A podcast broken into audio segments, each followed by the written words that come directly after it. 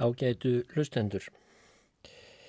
Í þættinum fyrir viku síðan þá var ég að lesa úr greinaflokki sem Jörgen Pettersen skrifaði í Alþýðublaðið um og eftir áramótin 1945-6 en Pettersen hafði verið bílstjóri og hjálparkokkur Lúðvíks Guðmundssonar skólastjóra sem Íslenski Rauðukrossin hafi gert út af örkinni til að leita upp í Íslendinga sem innliksa hafði orðið í mið-Evrópu, ekki síst Þískarlandi, á heimsterjaldar árunum síðari.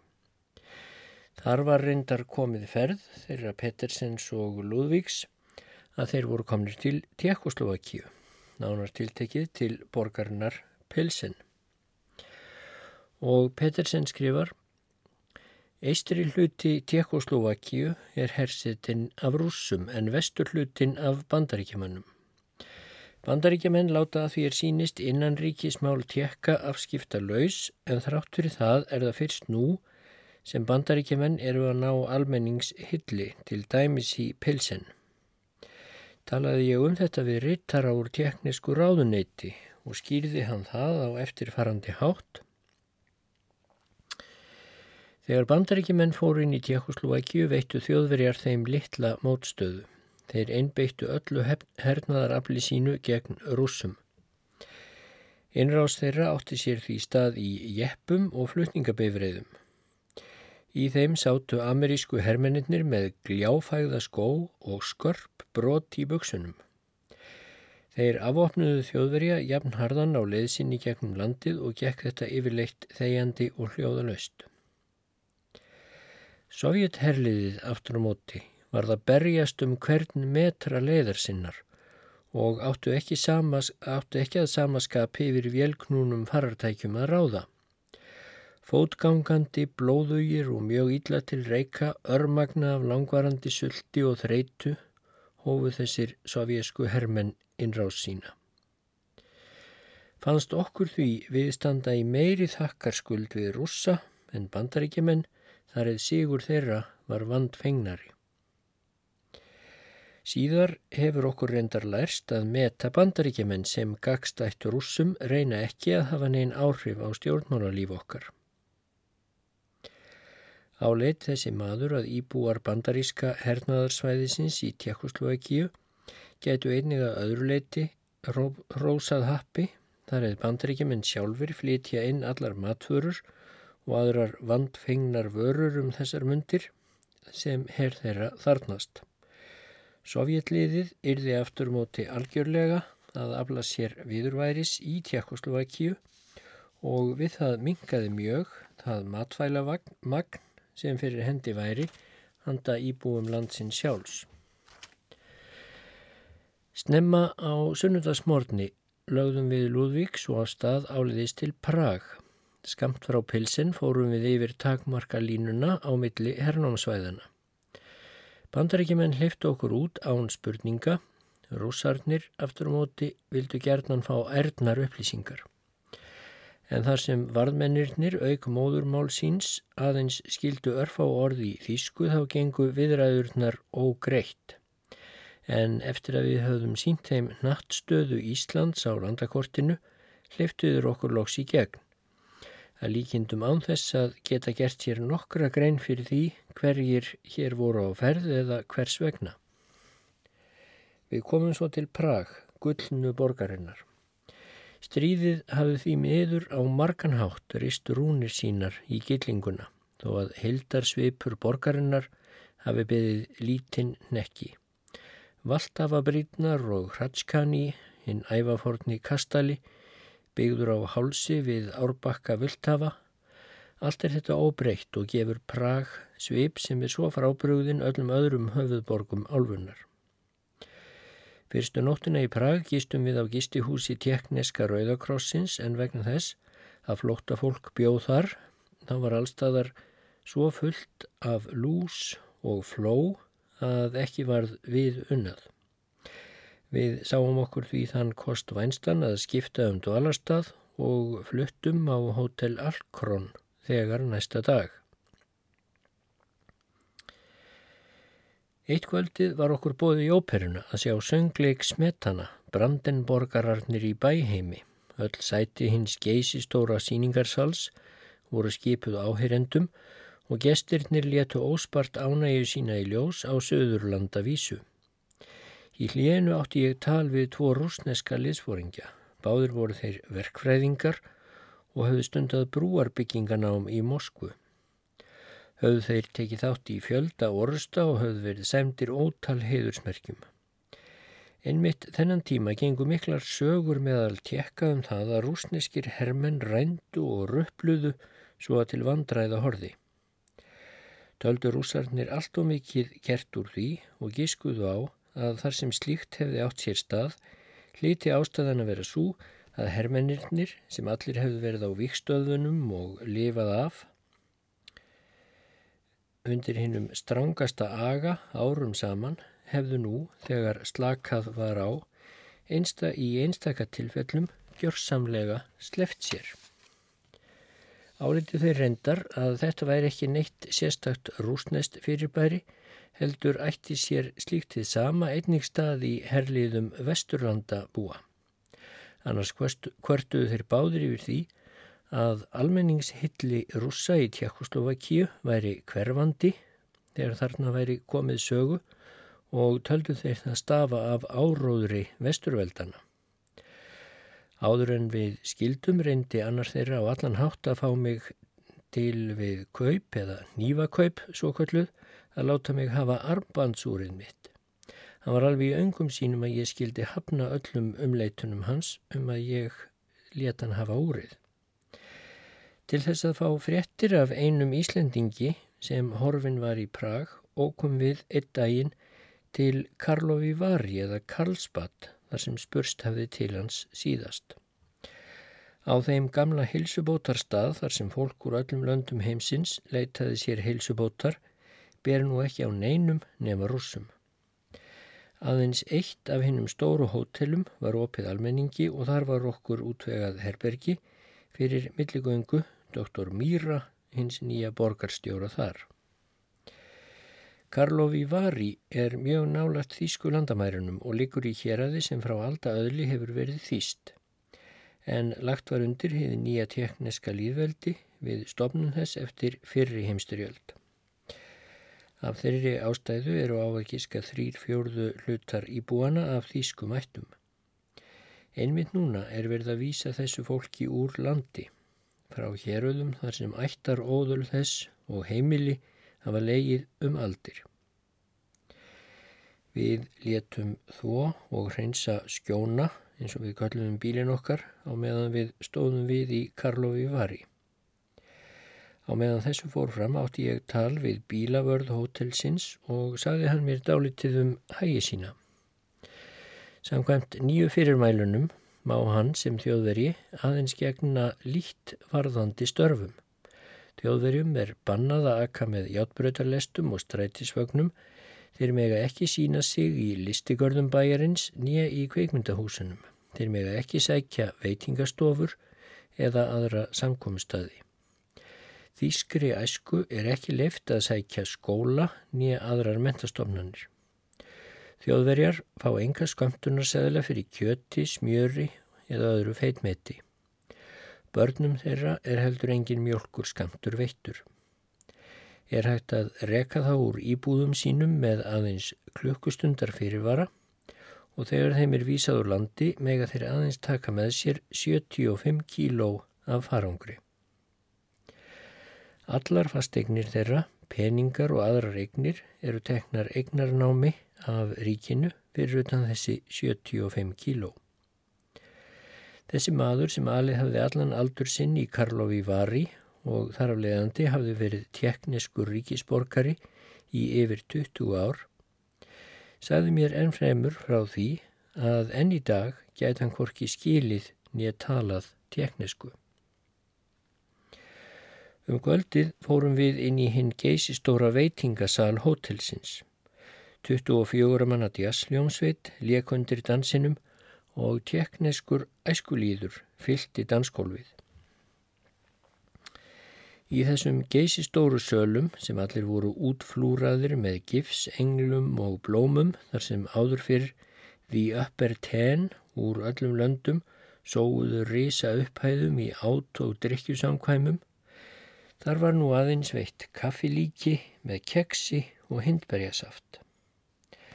Aðdánar verð var eftir sem áður smekkvísi hinn að svartherðu teknesku stúlkna. Yfirleitt klættu þær sig mjög skærum litum en samt þannig að vel fóra á. Eitt daginn satt ég í skjóna og beði eftir Lúðvík sem var að tala við lauruglufulltrúa og kom þá til mín svartklætt kona með þið venjulega þýska armbindi sem gaf þjóðurinni hennar til kynna og hún áarpaði mig á þýsku. Saðist hún vera ekki eftir mann sem tekin hefði verið af lífi af tekkum. Sýstir hennar sem mist hafði mann sín í stríðinu hafði þegar í apríl flúið til Þýskalands með sjö af nýju börnum sínum en hafði skilið eftir hjá henni tvö smábörn sem voru veik. Hún hafði lofað að taka þau með sér til Þýskaland á samt þremur börnum sínum þegar hún kæmist úr landi. Húsið sem hún bjó í var skattað af loftsprengjum og íbúarnir, höfðust íbúarnir við á stofuhæðinni en þar fekk hver fjölskylda eitt herbergi til umráða.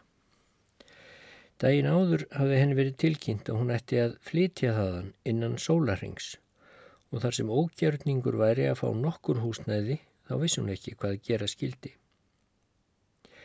Hún hafði reynd að snúa sér til teknísku yfirvaldana en það hafði engan árangur borið. Loks hafði hún snúið sér til russana. Þar hafði henni verið tekið vingjartlega og henni bóðin aðstóð til þess að fá herbergi sitt aftur. Hún þorði samt ekki að taka við bóðinu þar eða hún ótaðist hemd af hálfu tjekka. Fór hún nú að gráta og bað mig hjálpar. Helst vild hún að ég tæki hana og börnin með henni út úr landinu. Ég var því miður að síninni fram á hver fjärstæðu kend upp á stunga hennar væri. En rúsarnir, sagði hún, eigað minnstakosti til dálitinn mann kærleika en það eiga tekkar ekki. Við heldum nú aftur til Prag meðan við dvöldum þar kynntist ég ungum tekka sem nú var liðspóringi í bandaríkjahernum.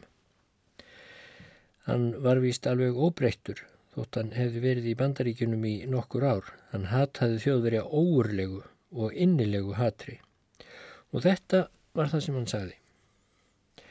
Þjóðverjar er búa í Tjekkoslovakíu hafa aldrei látið neitt tækifæri ónotað til þess að erta tjekka.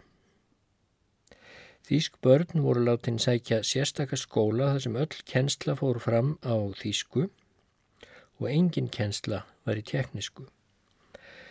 Þjóðverjarnir letu prenta sérstakar skólabækur og voru þær uppfullar af áróðri gegn tekkum.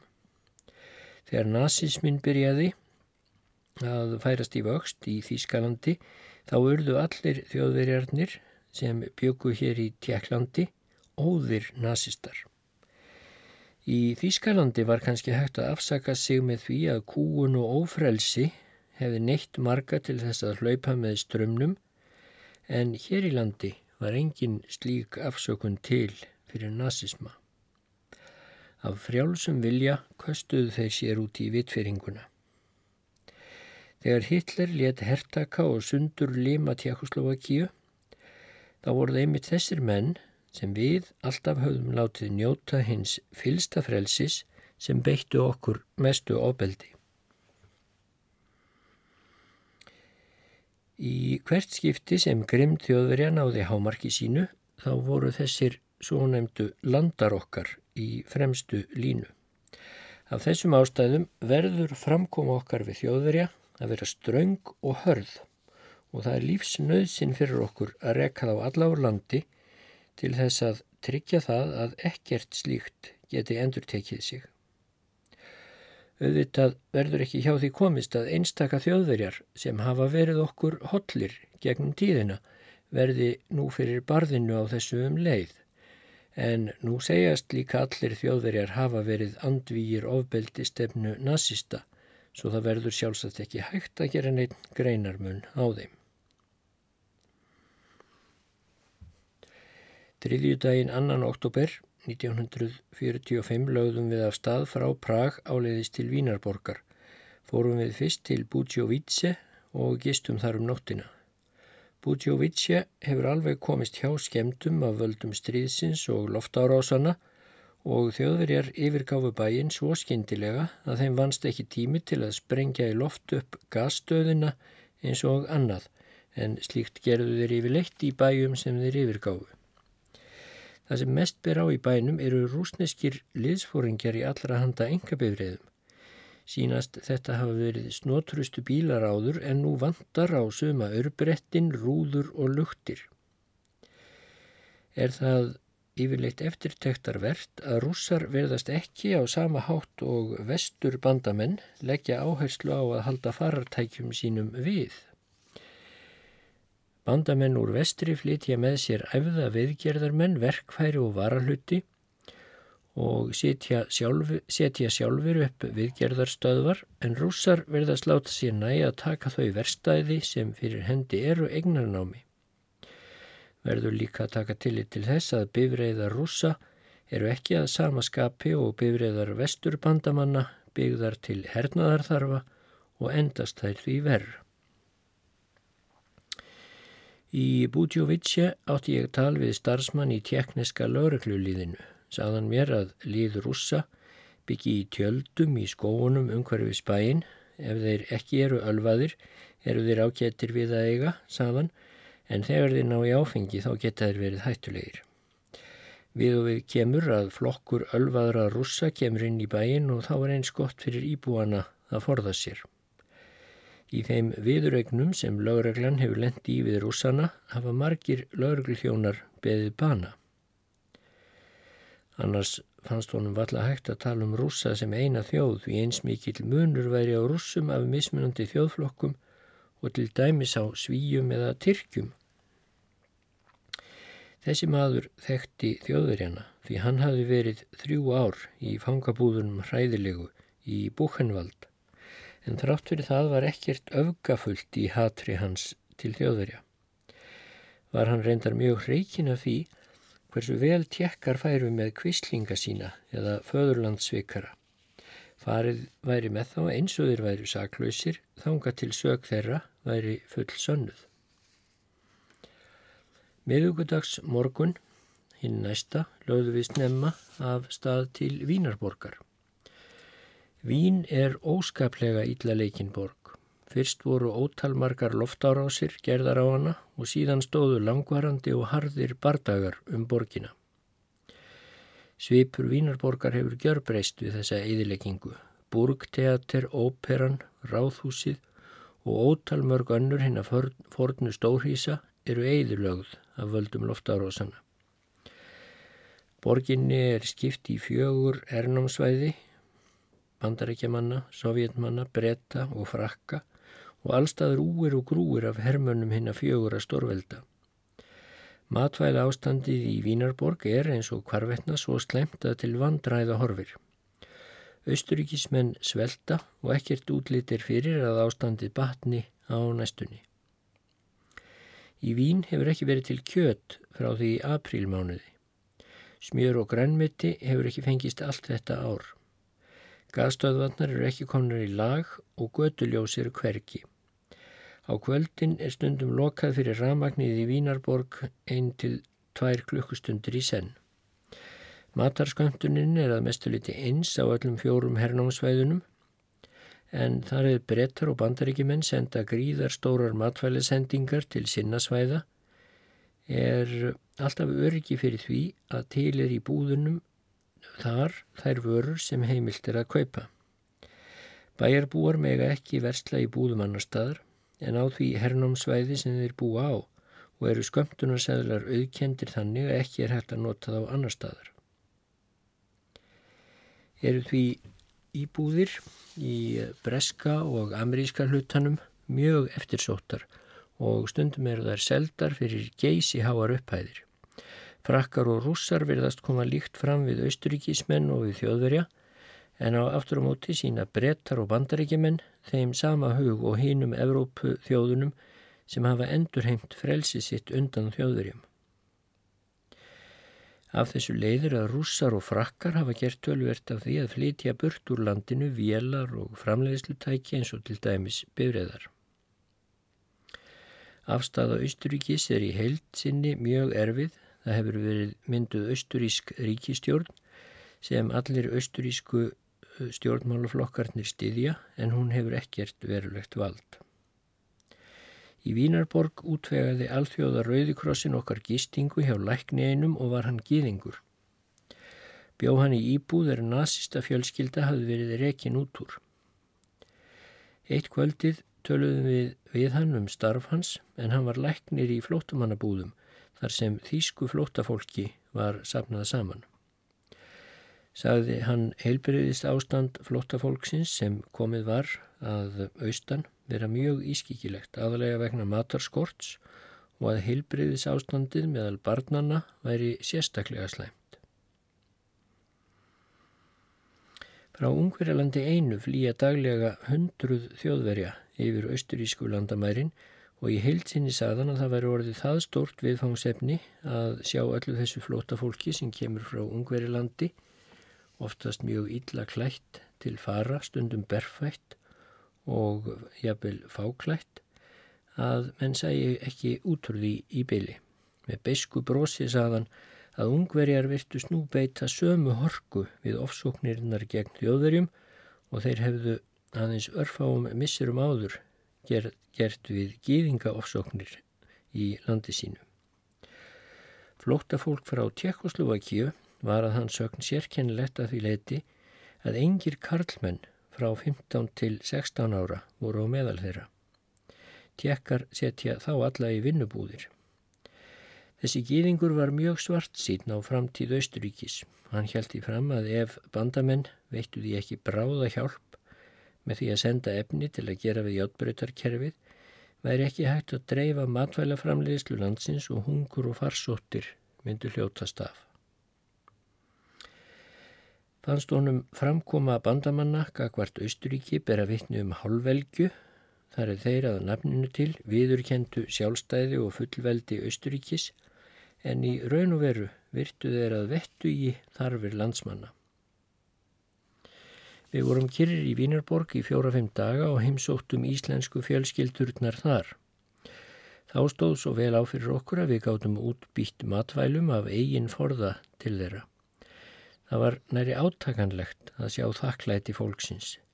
Gleðin yfir því að finna að Ísland hafði ekki glemt þessum fyrfirandi ríkisborgurum sínum og þakklæti þeirra í garð Rauðakross Íslands sem stóð fyrir ferð okkar var takmarka laust. Við bölfuðum því að hans skjóni okkar skildi ekki hafa geta borið tíu sinnum meiri byrðir. Hjá íslenskri fjölskyldu í Vín kynntist ég stúlku sem hétt Milli, rættum við stundum saman um daginn og veginn. Hún hafði aldrei lifað það að fara út í búð og kaupa það sem hann langaði í. Þegar stríðið byrjaði var hún 14 ára og skömmu setna byrjaði vöruskorturinn að gera vart við sig. Síðustu þrjú árin hafði hún enga flík getað veitt sér. Allur hugur hennar snýrist um það hver undursamlegt það yrði þegar hún geti kift sér allt það sem hún óskaði sér kjóla og kápu, skó og silkisokka, kannski meira segja loðkápu einhver tíma þegar framliði stundir. Aðtugar hún alls ekki að svo ítla getur farið að þegar allt þetta verður á bóðstólum aftur þá vandi peningana til að kaupa það. Laugardag 7. oktober heldum við að stað frá Vínarborg áleiðist til Passá Leiðin sem liggur um Sjánt Pölten er dásamlega falleg, fjallasín er til begja handa og dalirnir skói klættir. Laust fyrir hátegi komum við að áni ens en takmarkalínan millir russa og bandaríkjamanna fylgir henni. Höfðu þeir báður vörð við brúna. Bandaríkjamadurinn var mjög lipur við okkur og sagði að hans hálfu væri allt í lagi en rússin virtist ófús til að hleypa okkur yfir.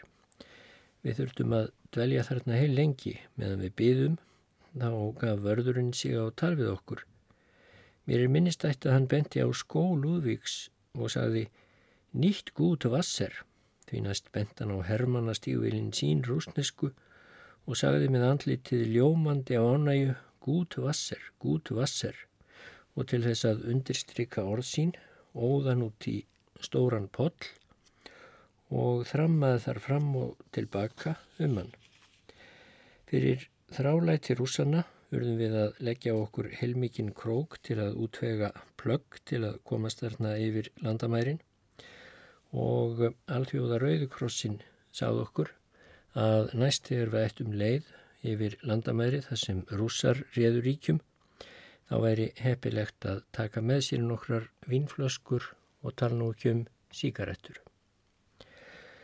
Nú síðan heldu Jörgen Pettersen og uh, Lúðvík Guðmundsson inn til uh, uh, Þýskalands aftur og uh, fóru þar um ímsar borgir sem voru eins og sumar borgirnar sem þeir fóru um í þættinum fyrir viku gjörsamlega í rúst ekki endilega bara stórborgirnar í bænum Forsheim þar sem byggu 80.000 manns eða höfðu gert fyrir stríðið sáu þeir vallan okkur einasta heilt hús var eins og allt líf hefði sloknað því hverki sást lifandi vera, skrifaði Pettersen. Og allar brýr yfir ána sem rannum bæin höfðu verið sprengdar í loft upp. Leið þeirra láin á franska hernámsvæðið. Franska hernámsvæðið í Þýskalandi er lítið og er því stjórnað með meiri harðnesku en hernámsvæði bandaríkjamanna og bretta, skrifar Pettersen. Meðan við vorum í, vorum í Lorrach átti ég að tala við mann sem áður hafði verið tollgæslumadur á landamærunum en veikið hafði verið úr stöðu þegar frakkar tóku við valdi á staðunum.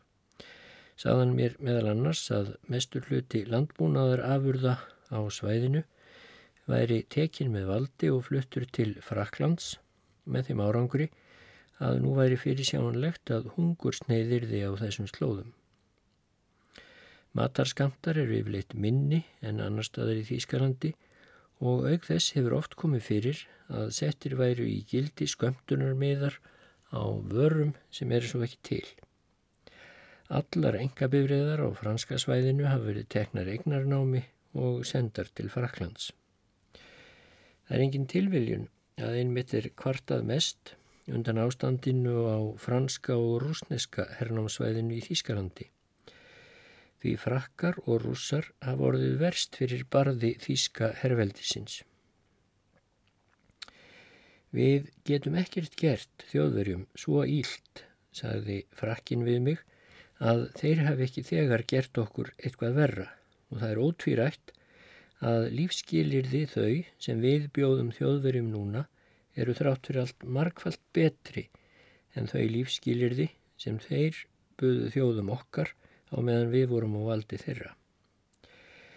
Samt býst ég við, helt frækin áfram, að kjör þeirra verði bráðum bætt og að þeir fá að byrja á endurbyggingu landsins en það verður fyrir alla framtíð að sjáum það að Þískaland fái aldrei tækifæri til að endurreisa hersinn aldrei nokkun tíma.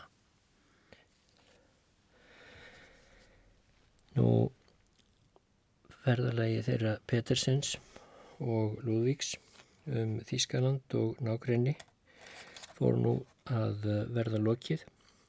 Þeir heldu aftur um Þískaland og komu meðal annars til Hamburger og þá segir í uh, síðustu grein Petersens um ferðalag þeirra Gýðingar þeir sem búa á ameríska hernumsvæðinu fá mikið stærri matarskamt en þjóðverjar, saði mér gýðingur einn sem ég átti tal við í Frankfurt.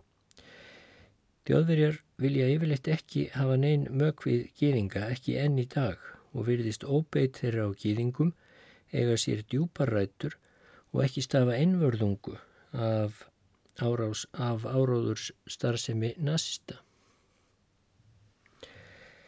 Eðileggingin í borgunum af völdum loftárása er mismikil.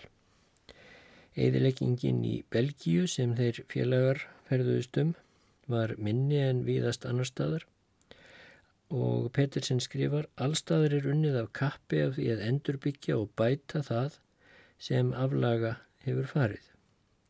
Matvæla ástandið fer víðast mjög batnandi, kjött og matarskamptar er að vísu mjög litlir og mjölk sjálfséð en aftur á um móti fær hver einstaklingur 400 grömm af smjörlíki, nóg af brauði og kartublur og grænmiti hafa fengist síðan í haust. En flest fólk, þó sérstaklega börn og gamalmenni, er frekar horrað og kynfiskasóið. Við gístum í Brusselu næstu nótt og heldum ferðinni áfram til Rotterdam í Hollandi. Næsta dag í Hollandi er öll ummerki stríðsins greinileg og örvæntingar ástand ríkir þar vegna matvælaskorts. Í Rotterdam eru stór bæjarkverfi eðurlögð af völdum loftarása en það er þegar búið að riðja rústirnar og unnið af kappi við að byggja nýjar og fallegar byggingar í stað hinna sem hornar eru. Hollandsk menning lýsir sér best í henni príðilegu reglu sem ríkir þar öllum á öllum sviðum þrátt fyrir vandamálinn sem við er að glýma. Og, og í Hollandi sést hverki flóttafólk á flakki. Umsjá hollendinga fyrir löndum sínum sem hafa mist heimili sín af völdum stríðsins er til fyrirmyndar. Enda þótt þjóðverjar hafi gengið hart fram í Hollandi láta hollendingar ekki hatrið hlaupa með þessi í gunnur. Þegar þeir skýra frá þeirri grimd sem þjóðverjar beittu í Hollandi gera þeir það alveg íkjulöst. En þá dvelja stórhópar þýsks flótafólks í Hollandi og var það einkennandi fyrir höfðingskap hollendinga að þeir láta þetta flótafólk fá sömu skamta og landsmenn sjálfur og Pettersen lauks og greinaflokki sínum á þessa lund. Það verður ekki hjá því komist að margt sem fyrir auguber á svona ferð valdi svart síni. Meðan að því var stemt að ganga melli bóls og höfuðs á nazismannum voru bandamenn algjörlega og eitt sáttir en nú þegar Þískaland líkur í rústum og ógnin sem stafar af Þíska herveldinu er úr sögunni, fyrstum sinn virðist öll eining bandamanna horfin. Óeining þeirra á milli vex samhliða því að þeir berjast allir um að ná feitasta bitanum af bráðinni. Á sama tíma á stórveldin með gagkvæmri tortrygni reyna að snúa hvert á annað við samningaborðið hrinja miljónir Evrópumanna niður úr hungri og farsóttum ef hatur og gagkvæm tortrygni eiga að vera grundvöldur vantanlegar endurreysnar þá er illa farið um framfarir í Evrópu. Um das Fenster weht der Wind, Hermann wacht im Hafen. Steige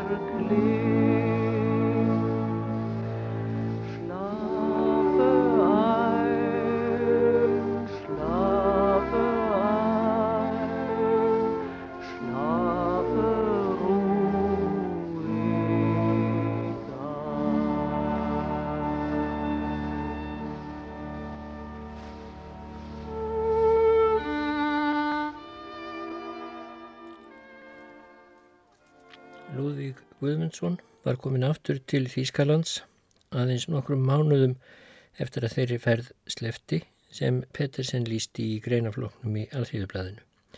Hann var ráðin í að leggja sitt af mörgum til þess að leggja Alþýðunni í Þýskalandi og öðrum stríðis hrjáðum löndum lið. Til að eh, nekja á því þá fór hann í ferð um Þýskaland til þess að kanna aðstæður og undirbúa flutninga á íslensku lísi til barna í Þískalandi sem þá þjáðust við af alvarlegum næringarskorti. Hann skiplaði svo síðsumars ferð nokkura íslenskra bladamanna sem fengu leifi hernáms yfirvalda bandamanna til að fara um Þískaland og skoða sjóum. Ég ætla að lesa í næsta þætti úr frásögnum bladamannana um þessa merkilegu ferð en þessum þætti hér líkur á því að við heyrum bladamann Alþjóðublasins Tórólf Smitt lesa frásögnuna því þegar íslensku bladamennir fóru að skoða hús Adolfs Hitlers í Berghof fyrir ofan Berteskaten á landamæðurum Þýskalands og Östuríkis en hluti af húsegnum Hitlers á svæðinu kallaðist Arnarhreðrið. Dórólf Smitt fór til starfa á ríkisútvarpinu nokkurum misserum eftir Þýskalandsferðina 1946 og las þá frásögnina um ferðina og slóðir hins fallna fóringja inn á splungunían stálþráð ríkisútvarsins. Á mótum Þýskalands og Östuríkis, allra siðst í Þýskalandi, tegir sig svolítill rani frá Þýskalandi inn í Östuríki. Það er fægurt landslag á báða bóa gnæfa við heiminn hrikaleg fjöll en upp eftir hlíðunum tegir sig fægur skóargróður. Fjöllin eru frekar kollótt en þó há, risa há að því er manni virðist en maður stendur í dalbotninum og verði fyrir sig fjallarhingin. Eftir eru fjöllin nakin og ber, þar festir ekki skóarhyslur en er ofardregur eru berir klettaramrar sem blasa við manni. Þó vil ég segja það að þarna gata líta það fegursta landslag í ferð okkur íslensku bladamannana til Þískalands þetta sömar. Ég veinu sinni og reynur oftar komið til þess staða sem nefnist Guðvangen í Sogni í Norri. Það er dálítið svipað og þarna var um, umhors. Þegar maður kemur til Guðvangen eða Guðvangurs eins og nefnum mættið á íslensku er gistihúsið langt upp í fjalli. Það er farið þangað, eftir, það er farið þangað upp eftir í ótalu krók á reyfelstígum og þegar upp er komið blasi við því dyrlegasta útsýni yfir hins beigilskinda Sognfjörð eða þannig orkaði það á mig, unglingin, aðeins 19 ára gamlan. Nú veit ég ekki hvort menn eru almennt næmari fyrir áhrifum móður náttur á þessum árum en einhvern veginn fast mér sjónsú er við mér blast í Berchtesgaten á mótum Þýskalands og Östuríkis minna mig á þessa bensku sín. Berchtesgaten er tiltölu að lítill bær, nánast þorp, en það verður langt skeið verið frækt um mörglönd. Það var áðurfrækt fyrir vetra íþróttir en þangað koma hverjum metri fjölmarga þúsundri gesta er vildu þreita hennar fagru hvítu íþrótt, skýða íþróttina. Í hennu snjóhýru brekkum þar í grend og í bertiskatin má sannlega reyna sér á skýðum. Nógur að brekkunum við alla hæfi. En í síðar árin hefur Þorsins þó ofta verið getið fyrir annaðin í íþróttir þar höfðu Hitler og flesti nazista fóringjarnir láta reysa sér dýrindis hús þar sem ekkert að tilsparað og frægast þeirra allra var að sjálfsögðu Berghof, hús Hitlers og Arnar Hreyðri svo nefnda efst á fjálsnjúk fyrir ofan Bergtiskatin. Ótal frásagnir og myndir hafa byrst í flestum blöðum heims af Berghof og íbúin þess að gestu þeim er þangað koma á sömu nauðugir er binda þurfti enda á eitthvað mísi rétti eða þjóðurinn þurfti að hafa verið sínt. Alkunnugur myndin er síndi Hitler og helstu geðinga hans sitjandi við borði í glæstum sal með geysistórum glugga er náði yfir nær allan veikin en það hann gætt að lítaði því fegust og útsýn yfir dalin og fjöllin handan hans. Ekkert hafi verið tilspara til þess að gera þetta að einhverju glæsilegasta sveitasettari heimsins í hennu ríkalegast og stórfengslegasta umhverfi sem til er í allra Evrópu. Og nú ætlum við, Íslandsku bladamennin, að fara að skoða þetta fyrðuverk eða réttar að sagt, leifar þess því að vissum áður að það hefur verið lagt í rúst í styrjöldinni eða svo til. Allmart fólk var á göttónunir í Berchtesgaden er við ókum þar um þennan solfæra ágústdag. Karlmenn voru flesti klætti stuttum skinnbrókum hinnum fyrðulugustu flíkum sem suma hverja virtust hafa gengið að erðum, svo voru það slittnar og gljáandi en margar virtust gerðar af hennu mesta hagleik, útsömaður og brótirðar af sannri list. Flestir horfa á okkur forvitnisaugum eða öllu heldur bifrið okkar en þær bifriðar fiskar sem enn sjást á vegum þar í landi eru flestar gamlar, úr sig gengnar en okkra vagn var nýr og af óvænuleg gerð í Þískalandi. Fólkið hópaðist í kringum bifræðina, skoðað hann í krók og kring, skrafað og pískræði en ekki bara á neinum fjandskap en það kom það vart fyrir að þess sæjust merki í för okkar. Lítill snarlegu stráknokki sem stóð þarna í þögunni vatsið að okkur og sagði á ennsku með annarlegum framburði You want to see Hitler's house, please? Jú, sagðum við og tókum strax uppi sem leiðsugumann upp í bifræð okkar og honum var gefið sukulæðarbiti og ljóma hann og allur að fögnuði slíku verningu þekktist ekki þá í Þýskalandi. Svo var lagt upp í snarbrætt fjallið. Steinsteftur eða malbyggaður vegur liggur það upp í ótal krókum. Víða skingdi á útsýnið af snótrum bændabílum hínum sérkennanlega og viðkunnulega bæjersk eða týrólska stíl og skuggsælum trjám. En er ofardregur, þinnist gróðurinn og hefði dyrlega útsýni opnast yfir dælinn. Húsin niður í Bertesgatin sínast loksins og brúðuhús og brátturum við komin á leiðarenda. En Stráksi hefur látað okkur fara upp fyrir hér eh, fræga hús Hitlers og bendur á inganga jærðhísi miklu þar sem er mikið brak og spittnarusl og undna járnstengur og annað er fyrir dyrum hafi verið. Þetta er loftvarnabæki Hitler segir hans, you want to see. Þarna eru líka fleiri strákar fyrir sínilega þaulvanir leðsögumenn um þessu frægu staði og nokkru þeirra fara svo með okkur inn þessi undurgöng. Það er kallt og saggarsamt þegar einn kemur, en það göngu innur ótal þrep að manni finnst en strákvæðin hafa blagt hann í kættaljós með sér og lýsa okkur annars veri vandrata þarna því að ímislegar afkymar virðast vera á alla vegu. Göngin munu vera á nokkur hundur metra laung og liggja allaði niður í hús Ítleis. Draugalegri byrtu slæra á raka veggina, víðar vatna á gólfinu en fjalir hafa verið lagðar yfir. Það fer hálfgerður kuldar hollur um mann þegar maður eldir þessa stráksnáða þarna inn í bjarginu 75 metra undir yfirborðiðjarðar. Allt virði svo óraunverulegt þarna í hálfgerðin myrkrinu er flöktlandi kertaljósni varpað döfum bjarma um þessað furðulega vistaverur þar sem Hitler og fólk hans hefur áður gengið um meðan sprengjuregni dundi á fjallinu fyrir ofan. Littlu leðsugumennendun okkar láta móðan mása og leið okkur inn í ímisli herbyggi til begge handa. Þetta er herbyggi Hitlers, þetta er herbyggi Efu Brán, þarna var borstofa og svona halda þér áfram. Við reynum að finna eitthvað sem notast mætti við en finnum ekkert, þarna er allt brotið og bramlað, allt sem áður kann að hafa verið þarna af innastóksmunum eða áhöldum er farið veg allra veraldar. Það er ekkert, bókstalaf ekkert sem getur gefið hennar minnstu hugmyndum fólk það sem eins og hafist þarna við en það er eftirvöld óbúrskiljanlegt. Allt nýtilegt hefur verið nömið á brott bæð af þúsundu þjóðurja sem sjálfsagt hafa komið þarna eftir hrunnaðsinsmanns og af þúsundum hermana sem þarna hafa gengið um en það má sjá á veggjum áleitranir og krót þar sem hermenn af ýmsum þjóðum hafa greift nöfn sín eða upphafstæfi í veggina. Loks örlað fyrir ljósgleitu framundan. Strákarnir slökka nú og kertistúfunum og við göngum út úr þessum drungalega helli út í blessa sólkinnið og nú blasir við okkur útsýnið fagra og ljótar leifar stórhýðis Hitlers hás, segja strákarnir hróðrið. Oft hefur maður séð þetta hús á myndum en nú er það svipur hjá sjón. Sprengjurna sem á það fjallu hafa sannarlega sett marksitt á það. Um allt liggja múrbrotin trjástúvar, undnir og skakkir hjálpbitar en húsið sjálft eins og fornfáleg rúst og gött í vekkjónum gína viðmann eins og tómar augnatóttir í, í hauskúpu. Hús Hitlers stendur í brekkunni. Príðilegi sveit komið með svölum og stjett fyrir framann. Það verður stort, tvílift hús nokkur langt með rísi og kjallara. Þakkið er að mestur hrunið en allt er brunnið sem brunnið getur. Við göngum inn í það og auðum vel. Á fyrstu hæð húsins er stór salur og fyrir enda hans geysistór gluggi er veit út af dalnum. Það er viðræðu salum frægi er ég gatum áðum. Það er ekkert, bókstala vekkert inni. Ekki treflís, allt brunnið, ekki tækla veggfóri eða neinu því sem áður hlýtur á að prýtt þessu húsækinni. Hálfrunin Arinn glápir bjánalega á mann á einu vegnum. Eitthvað hlýtur hafi gengið á þegar þetta fór í rúst hugsaði mig sjálf um mér.